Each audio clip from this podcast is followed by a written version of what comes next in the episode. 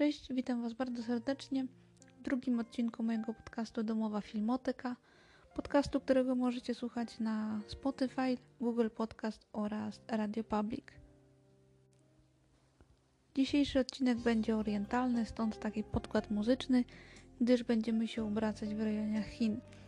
I dosyć sporo zastanawiałam się, jaki rodzaj filmów Wam pokazać, przedstawić, gdyż Chiny to tak orientalny niezwykły kraj, że trudno byłoby wybrać coś łatwego, co by, od czego byście się nie odbili, a tego bym się, a tego bym nie chciała, w związku z czym wybrałam dwie pozycje, które nasączone są emocjami zbliżonymi do naszych.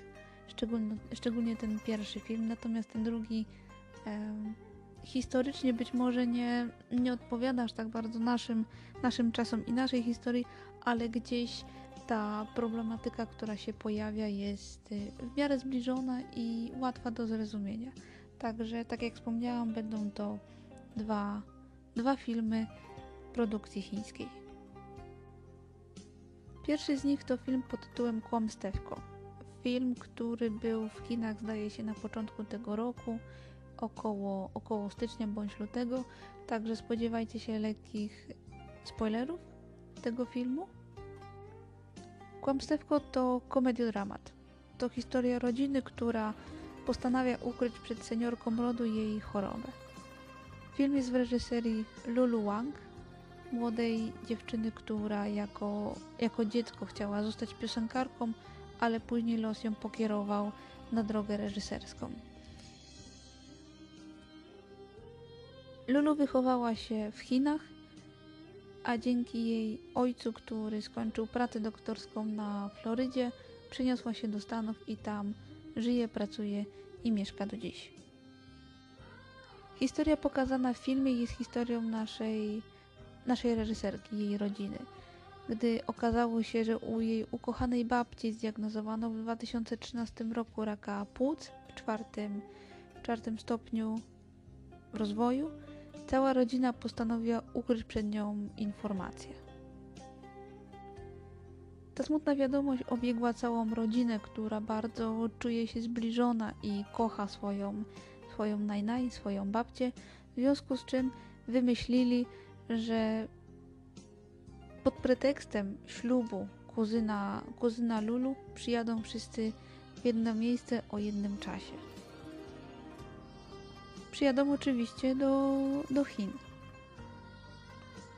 Cały koncept filmu opiera się na, na tym jednym kłamstwie, na, tym, na tej tradycji, bo tak to tłumaczą, że nie mówią prawdziwego stanu zdrowia swoim najbliższym osobom i cała rodzina zjeżdża się i udaje, że jest wszystko dobrze, są szczęśliwi, uśmiechnięci i gdzieś tam płaczą w, w rękach, ewentualnie za rogiem w kuchni tak, żeby nikt nie widział, nikt nie słyszał, a już najbardziej, żeby się babcia nie zorientowała, że coś jest nie tak. Z takich jeszcze ciekawostek to w filmie u boku filmowej babci Najnaj wystąpiła jej prawdziwa siostra, czyli ciocia naszej reżyserki, o ile dobrze hmm, rozmyślam, o ile dobrze kojarzę.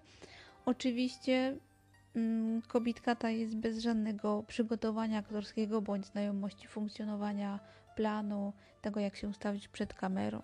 Po prostu kręcone było na, na żywca, bez wcześniejszego przygotowania. Główna bohaterka ma na imię Bill i kiedy dowiaduje się, że jej babcia jest chora, chce jak najszybciej ją odwiedzić i powiadomić ją o jej stanie zdrowia. Chce spędzić najbliższe momenty i chwile razem z nią. Natomiast gdy dowiaduje się o decyzji rodziny, aby wszystko ukryć, nie zgadza się z tą decyzją, a wręcz jej nie rozumie. Tak jak wspomniałam, cała rodzina zjeżdża się do Chin pod pretekstem zaręczyn, a summa summarum w końcu ślubu jej kuzyna. Oczywiście rodzina zabrania Bill przyjazdu do, do Chin, gdyż wie, iż jest ona bardzo, bardzo blisko z nią związana i może tego nie wytrzymać, tej presji i zamknięcia ust przed powiedzeniem prawdy. To, co się rzuca na pierwszy, na pierwszy rzut oka, to wewnętrzne rozdarcie Bill. Jest ona wychowana w Stanach Zjednoczonych i nie może się pogodzić z kłamstwem. Z kłamstwem oraz tym, jak, jak Chińczycy, jak jej rodzice, wujowie, ciocie traktują tą informację i z jakim chłodem przyjmują wszelkie emocje. Jak za wszelką cenę chcą utrzymać pozory. To rozdarcie oczywiście jest widoczne w wielu, wielu scenach, zarówno kiedy, kiedy przyjeżdża do Chin, bo koniec końców przyjeżdża, jak i na samym początku. To takie pomieszanie narodowości i identyfikacji e, z danym krajem. W jednym z pierwszych scen Bill rozmawia przez telefon ze swoją babcią, idąc ulicą miasta. Rozmawia oczywiście po chińsku. Jest to miła, przyjemna rozmowa, ciepła, czuć, czuć miłość w tej rozmowie. Po czym, gdy kończy ją, automatycznie robi switch na angielski. Zmienia postawę ciała, zmienia swój sposób bycia, zmienia swój sposób zachowania. I świadczy to o tym, że z wielką łatwością przechodzi z, jednego, z jednej narodowości w drugą, co powoduje, że z żadną tak na dobrą sprawę nie jest w stanie się zidentyfikować w 100%. Że gdzieś tam przejmuje część zachowań z jednej kultury, a część z drugiej. Cała rodzina, chociaż trwa w postanowieniu i w utrzymaniu tradycji a propos kłamstwa, wierzy w to, że jest to najlepsze rozwiązanie, to gdzieś tam w pojedynczych scenach widać, że może nie, może, może nie to, że nie do końca się z nią zgadza, ale że gdzieś jest to okupione wielkim cierpieniem i, i wielkim kosztem. Kobiety płaczą po kątach, mężczyźni piją i znacząco poklepują się po, po ramieniu, patrząc na siebie i kiwając głową, jak to, jak to faceci porozumiewawczo, że, że oboje bądź cała, bądź cała trójka rozumie, w jakiej trudnej jest, jesteśmy sytuacji i że trzeba to jakoś przezwyciężyć tak czy inaczej. Wracając jeszcze do tej identyfikacji ideologicznej i do tych korzeni, tak się zastanawiam a propos tych wszystkich ludzi, którzy kiedyś wyjechali za granicę ze swojego rodzimego kraju, mieszkają, pracują tam i musieli się przystosować do zastanych warunków, do nowego języka, do kultury, do obyczajów, do tego, jacy, jacy ci ludzie są dookoła. I wydaje mi się, że łatwo jest zgubić swoje korzenie w takim obcym środowisku, gdzie trzeba się dostosować mniej lub bardziej do pracy, do nowych przyjaciół. I takie mam wrażenie, że zostawienie takiej małej cząstki swojego kraju w swoim, swoim sercu może pomóc przetrwać te trudne, trudne chwile, momenty zwątpienia. Jakoś tak łatwiej jest odnaleźć się w tym, w tym obcym świecie w momencie, kiedy taka, taka cząstka Twojego kraju zostaje. Jakby powiedzieć, tak jakby była swoją, swoistą latarnią naszej przynależności narodowej, y, czegoś, co nas, co nas definiuje i do czego zawsze możemy wrócić i z czym zawsze możemy się zidentyfikować. Tutaj nasza Bill nie bardzo ma tą możliwość, gdyż ona nie rozumie i nie popiera tej tradycji, która jest dosyć, dosyć, dosyć kontrowersyjna, bym powiedziała, i taka mało, mało logiczna, ponieważ tyle czasu spędziła w Stanach Zjednoczonych i Amerykanie są zupełnie inaczej wychowani, i ta ekspresyjność jest dużo bardziej wylewna, i rozmawia się o emocjach, o uczuciach, o żalu i o wszystkich innych sprawach, więc takie zachowanie chińskiej rodziny i całej reszty, która, mm, która również jest, mieszka w innych, w innych częściach Stanów, ewentualnie w Japonii yy, i też ma jak troszeczkę inne podejście do, do życia. Niemniej jednak wszyscy, wszyscy ciężko trwają w, w, w zastanej sytuacji i, i postanawiają nie mówić tego, w jakim, y, w jakim stanie zdrowia jest y, Najnaj, żeby jej nie martwić, nie, nie, żeby się nie przejmowała, żeby, żeby gdzieś tam w spokoju sobie żyła bez, bez tej świadomości, że za chwilę, za miesiąc, za dwa dni czy za tydzień może umrzeć, ewentualnie, że jej stan zdrowia na tyle się pogorszy, że nie będzie w stanie dzielić się tą radością z innymi członkami rodziny. Cała historia jest wymieszana radością i smutkiem. W jednym momencie cała rodzina je obiad, kolację, spożywa posiłek, czas spędza wspólnie, po czym za chwilę rozchodzą się do swoich pokoi hotelowych i tam jak gdyby dzielą się tym swoim smutkiem. Jedni dzielą się ze swoim współmałżonkiem, inni po prostu płaczą pokątnie, tak jak wspomniałam wcześniej. Natomiast to, co widać w tym filmie i co, co przeważa, to taki element pożegnania, tego jak sobie z nim radzimy oraz nieuchronnego odejścia, odejścia i śmierci, która wszystkich nas kiedyś y, koniec końców spotka. Filmie kłamstwo jest elementem tradycji. Nie mówienie o złym stanie zdrowia najbliższych, ale przecież my sami też często nie mówimy prawdy lub całej prawdy naszym najbliższym, gdy okazują się, że ich stan zdrowia znacznie się pogorszył. Czasami wolimy nie poinformować naszego rodzica, męża, babcie, cioci, wujka czy kogokolwiek innego, brata, siostry o, im złym, o jego złym stanie zdrowia, bo wydaje nam się, że jest to lepsze, bezpieczniejsze, że zawsze mamy tą nadzieję, że może lekarz się pomylił, ewentualnie po prostu sytuacja nie wygląda aż tak źle, jakby nam się mogła wydawać, ewentualnie, że lekarz po prostu nas tylko nastraszył. I ten element nadziei, który zostaje w nas, powoduje, że ukrywamy tą, tą część prawdy, tą najgorszą z najgorszych prawd, najgorszy, najgorszy scenariusz. Tutaj w filmie jest on zamieniony na, na tradycję. Czyli, że jeżeli komuś coś się dzieje złego, to to nie powiemy, bo tak należy, bo taka jest tradycja. Ale my Polacy, bądź nawet inni ludzie też, bardzo często pomijają ten, ten fakt, ewentualnie mówią część prawdy. Zarówno o stanie zdrowia, o tym, co powiedział lekarz, po to właśnie, żeby nie martwić tej drugiej osoby i po to, żeby się samemu też przygotować do tego, co ta wiadomość dla nas niesie. A niesie mm, nieprzyjemną i smutną informację tego, że ktoś, kogo bardzo kochamy, kto jest ważny w naszym życiu i bliski naszemu sercu, wkrótce może, może odejść. Kłamstwo, czy jak kto woli zatajanie prawdy w tym filmie, doprowadza do dosyć kuriozalnych i takich przerysowanych sytuacji, gdzie główni bohaterowie fałszują wyniki badań, które mają być przedstawione najnaj, tylko po to, aby misternie utkany plan powiódł się i żeby babcia się nie zorientowała, w jakim stanie jest zdrowie.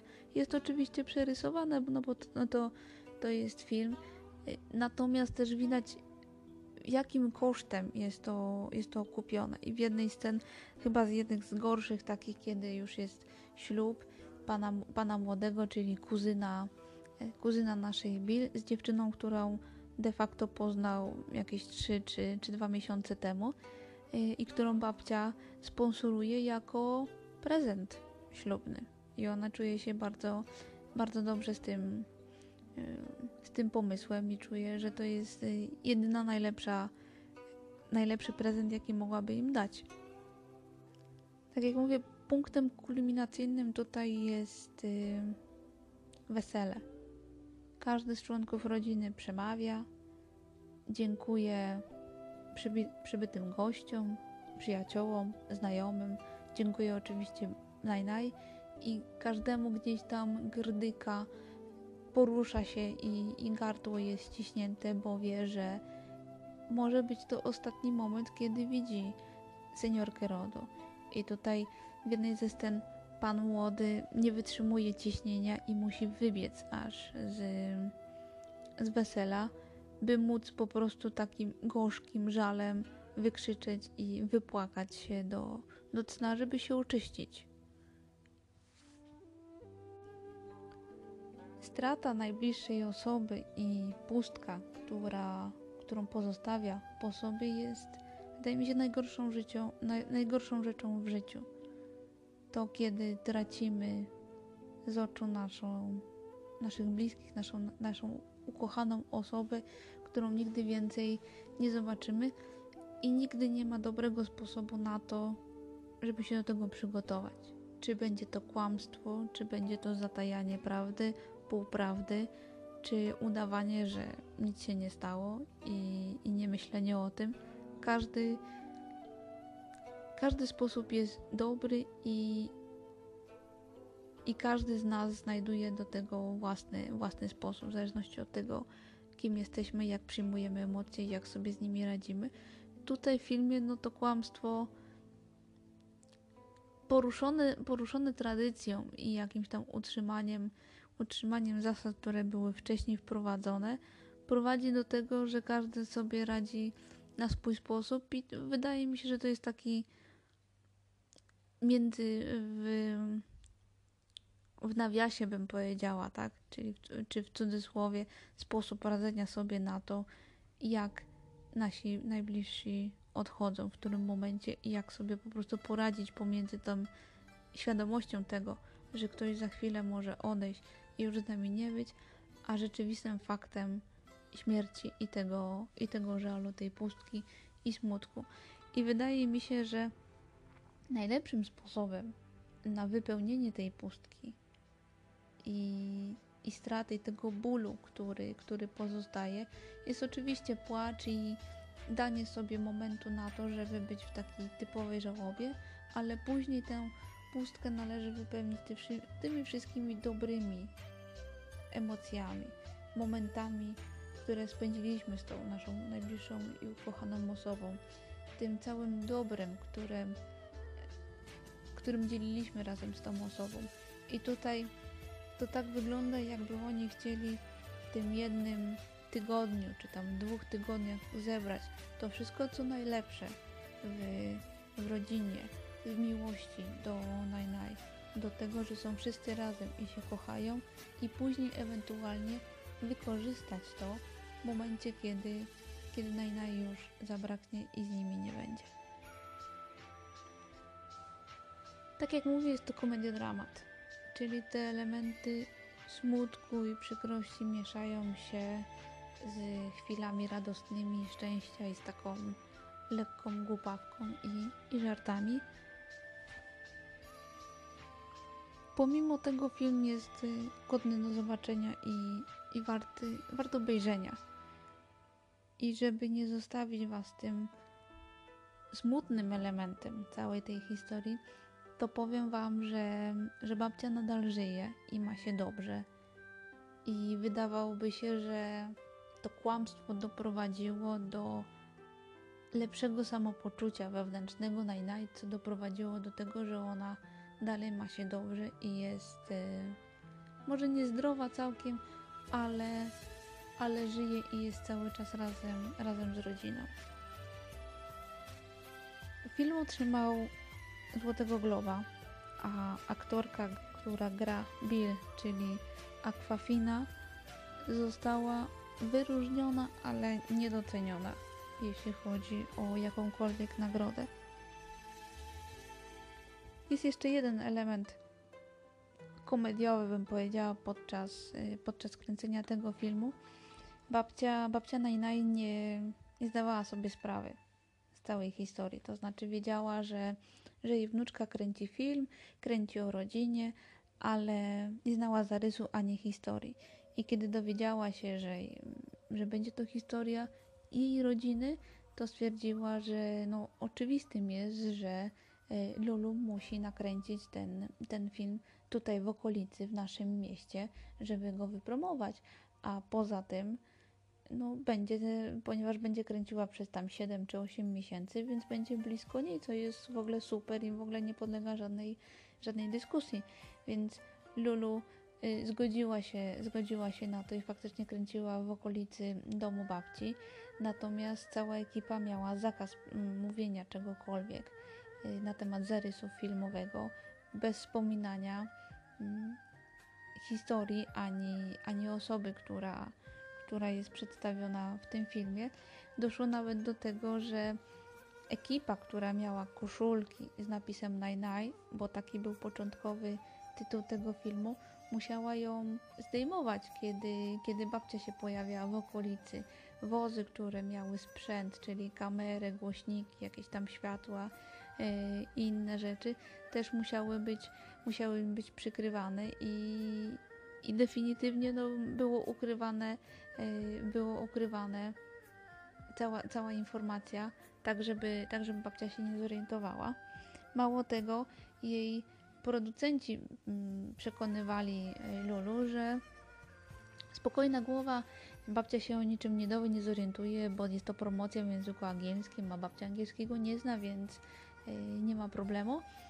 No jednak problem się pojawił, gdyż pewnym momencie ujawi, został wydrukowany artykuł w New York Timesie a propos, a propos tego filmu. No i New York Times został przetłumaczony na chiński i jakaś dobra duszyczka. Teraz nie pamiętam kto, czy to była siostra, czy sąsiadka któryś, yy, któraś sąsiad, która z sąsiadek yy, Najnaj opowiedziała tą historię artykułu, a tytuł w owym czasie tego artykułu i filmu brzmiał Okłamią, czy nie mów jej prawdy, ten, ten deseń.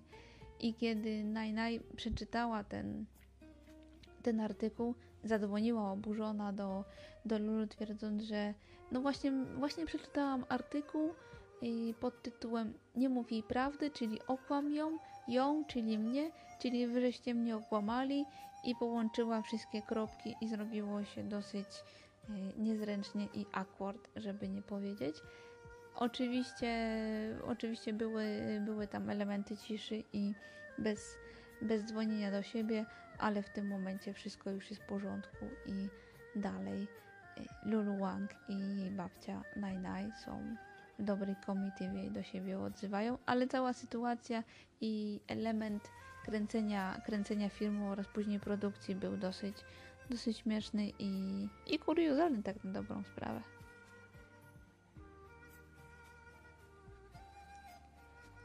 Drugą pozycją w naszym dzisiejszym zestawieniu jest film pod tytułem Żegnaj mój synu. Film ten został nagrodzony dwoma srebrnymi niedźwiedziami za najlepszego aktorka i aktora.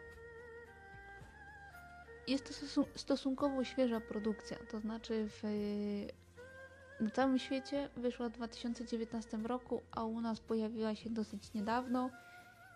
Nie było jej w kinach od razu od razu była wyświetlana na, na VOD. Od razu zaznaczę, że film jest wymagający uwagi i cierpliwości, tym bardziej, że trwa 3 godziny. Tak, nie, nie przesłyszeliście się 3 godziny, nawet, nawet może ponad. I przyznam się szczerze, że też byłam zaskoczona, kiedy go wykupiłam na VOD. Myślałam, że to jakaś pomyłka. Tam 3 godziny i, i 7 minut czy 8 i mówię, mm, to chyba to chyba nie jest prawda. No nie, to, je, to jest prawda. To są bite 3 godziny. I szczerze przyznaję, że oglądałam ten film na, na dwa razy, tak żeby móc się skupić na, na całości i wsiągnąć w ten film jak najlepiej i w 100%.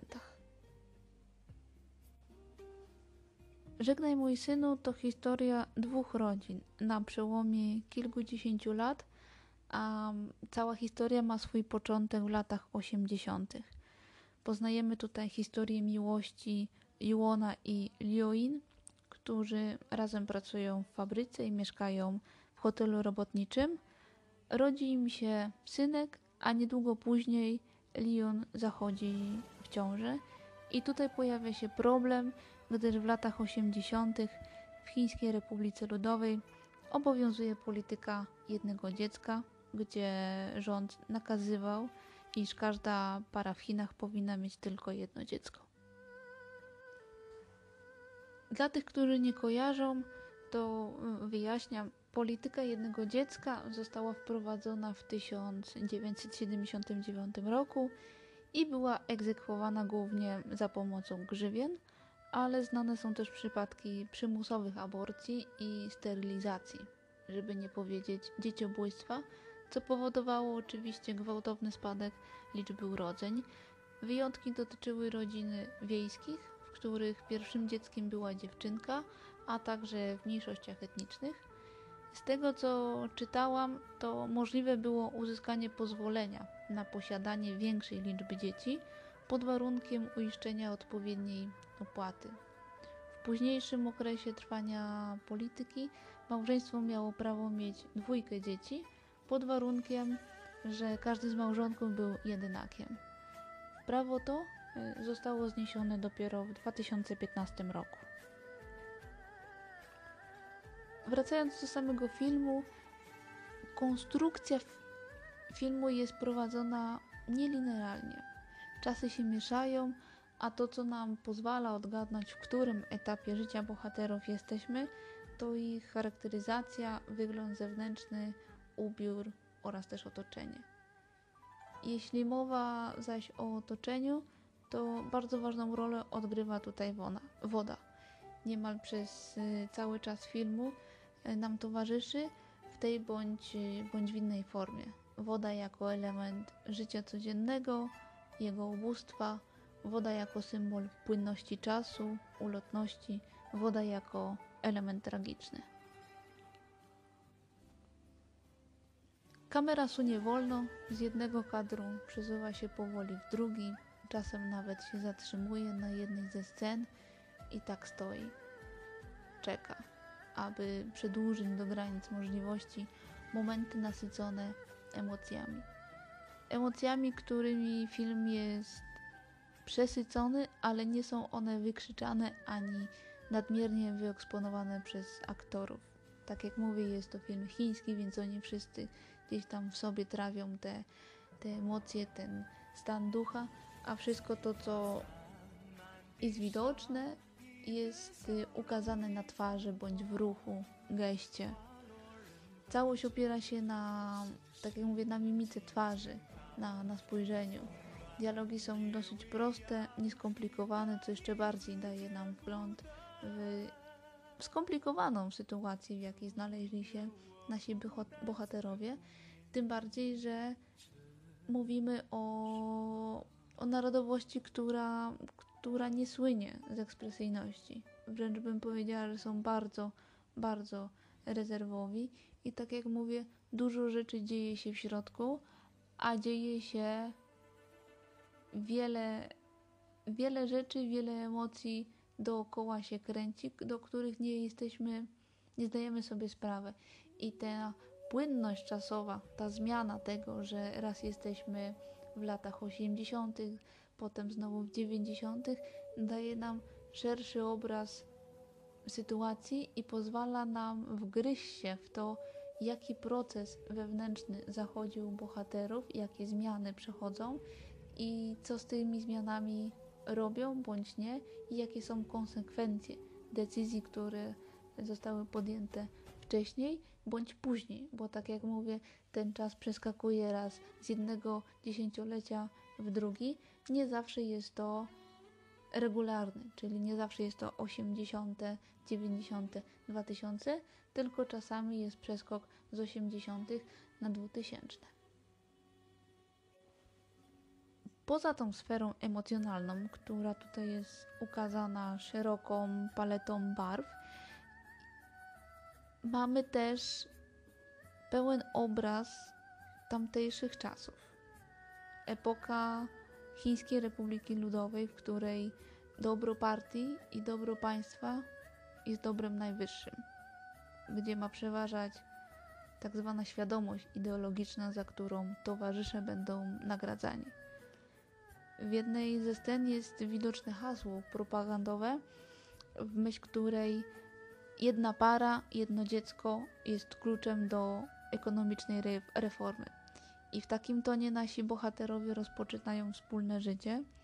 Do tego dochodzi walka państwa z wszelakimi objawami rozpasania obywateli, towarzyszy, czyli walka z zagraniczną muzyką, nowoczesnymi ubraniami, nowoczesną fryzurą, a co za tym idzie, nowoczesnym stylem myślenia i nieuchronną rewolucją, do której rząd chiński nie chce doprowadzić i chce trzymać w ryzach wszystkich towarzyszy. Propaganda versus człowieczeństwo. Takie jest tło wydarzeń tego, tego filmu. Na samym początku, w pierwszych scenach bym powiedziała, dochodzi do, do tragedii. I to wydarzenie definiuje niejako naszych bohaterów, ale rzeczy, które dzieją się wcześniej, wydarzyły się wcześniej, bądź to, co się dzieje po tym, daje nam jeszcze szerszy obraz i jeszcze bardziej jesteśmy w stanie się zagłębić w sytuację naszej rodziny i tego, jak sobie radzą, bądź nie, z tym, co ich spotkało. Poza, poza głównymi bohaterami mamy też drugą rodzinę, których losy splatają się z z naszą rodziną i towarzyszą od początku do końca. Towarzyszą im od początku do końca. I chociaż nie są oni tutaj najważniejsi, to jednak mają decydujące znaczenie na Li Yun i Huan Yuna. Wyrzuty sumienia, moralność, szukanie szczęścia, bycie prawym, fair wobec, wobec innych, wobec partii, wobec współmałżonka, rodziny, wobec pracodawcy. Wszystko to tutaj znajdziecie. Cegiełka po cegiełce, kadr po kadrze, scena po, po scenie dowiadujemy się coraz więcej, mamy szerszy obraz i te trzy godziny jakoś tam, jakoś tam lecą. I tak jak pomyślę sobie, że na każdą godzinę przypisane jest 10 lat, to, to jest to małe, mało. Tak jak mówię, film jest wymagający dla cierpliwych, dla uważnych. To, o czym nie wspomniałam jeszcze, to o tytułowym synu, gdyż tytuł jest Żegnaj mój synu, ale zrobiłam to celowo, gdyż nie chcę pozbawiać Was przyjemności oglądania filmu, a powiedzenie czegoś więcej musiałoby się opierać na spoilerach bądź wyjaśnianiu czegoś, czegoś dogłębniej. A nie chcę tego robić, gdyż film jest dosyć świeży na naszym rynku i, i bez sensu byłoby wyjaśnianie mm, modelu zachowań bądź, bądź reakcji, e, jakie są, jakie są w filmie. Propaganda, bieda, polityka jednego dziecka, moralność, uczciwość. Wszystko to jest zawarte w tym filmie, który, który traktuje o czasach bardzo, bardzo niezwykłych, okrutnych i takich, które trudno jest nam sobie wyobrazić, nam Polakom. Natomiast temat jest tak dobrze zarysowany i tak dobrze przedstawiony, że z pewnością do Was trafi i zarezonuje z Waszymi serduszkami.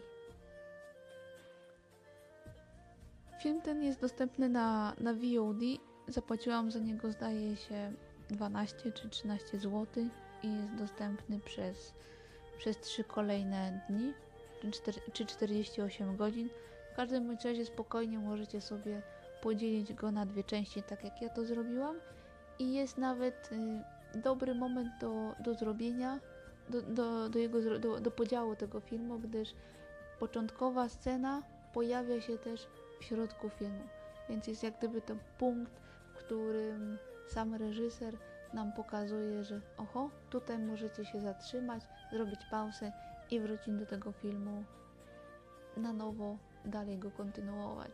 I myślę, że to jest dobra dobra opcja, bo takie poświęcenie 3 godziny no jednak wymaga dużej uwagi, a ponieważ temat nie jest lekki ani, ani przyjemny i ponieważ te kadry suną wolno i jest bardzo dużo zawieszenia się zarówno na samych aktorach, takie półminutowe zawieszenia zarówno na aktorach, jak i na, na krajobrazie może zmęczyć. I dla niewprawionego widza, który nie jest przygotowany na to, no może troszeczkę cierpieć i odbić się, a tego bym nie chciała, w związku z czym podział na, na dwie części jest, jest jak najbardziej skazany. No chyba, że macie e, tak wolny wieczór, który chcecie poświęcić na, na 3-godzinny seans, tylko liczcie się z tym, że później trzeba też tego przetrawić. Przynajmniej tak jak ja to zrobiłam, bo faktycznie gdzieś ten odbiór, odbiór był mocny i, i musiałam przełknąć ze dwa czy trzy razy tą ślinę, żeby jakoś spłynęło głębiej i, i osadziło się y, w moich cząsteczkach y, drobnego ciała. To wszystko na dziś. Mam nadzieję, że miło spędziliście czas i że sięgniecie do obejrzenia przynajmniej z jednej pozycji, którą, którą Wam przedstawiłam. Do Chin jeszcze kiedyś wrócimy, troszkę w innej formie. Może będzie to forma animacji, ewentualnie ichniejszej tradycji bądź wierzeń. Na pewno nie będzie to tak ciężki temat jak w dzisiejszym odcinku. Mam jeszcze małe poskryptum do poprzedniego odcinka. Zaczęłam trzeci sezon serialu Upadek i jest tak samo dobry jak poprzednie dwa sezony. Widać dobrą kontynuację oraz ten spadek po równi pochyłej bohaterów. Pytanie tylko, który z bohaterów upadnie i się potłucze. I z tym pytaniem zostawię Was na dzień dzisiejszy. Pozdrawiam i do usłyszenia.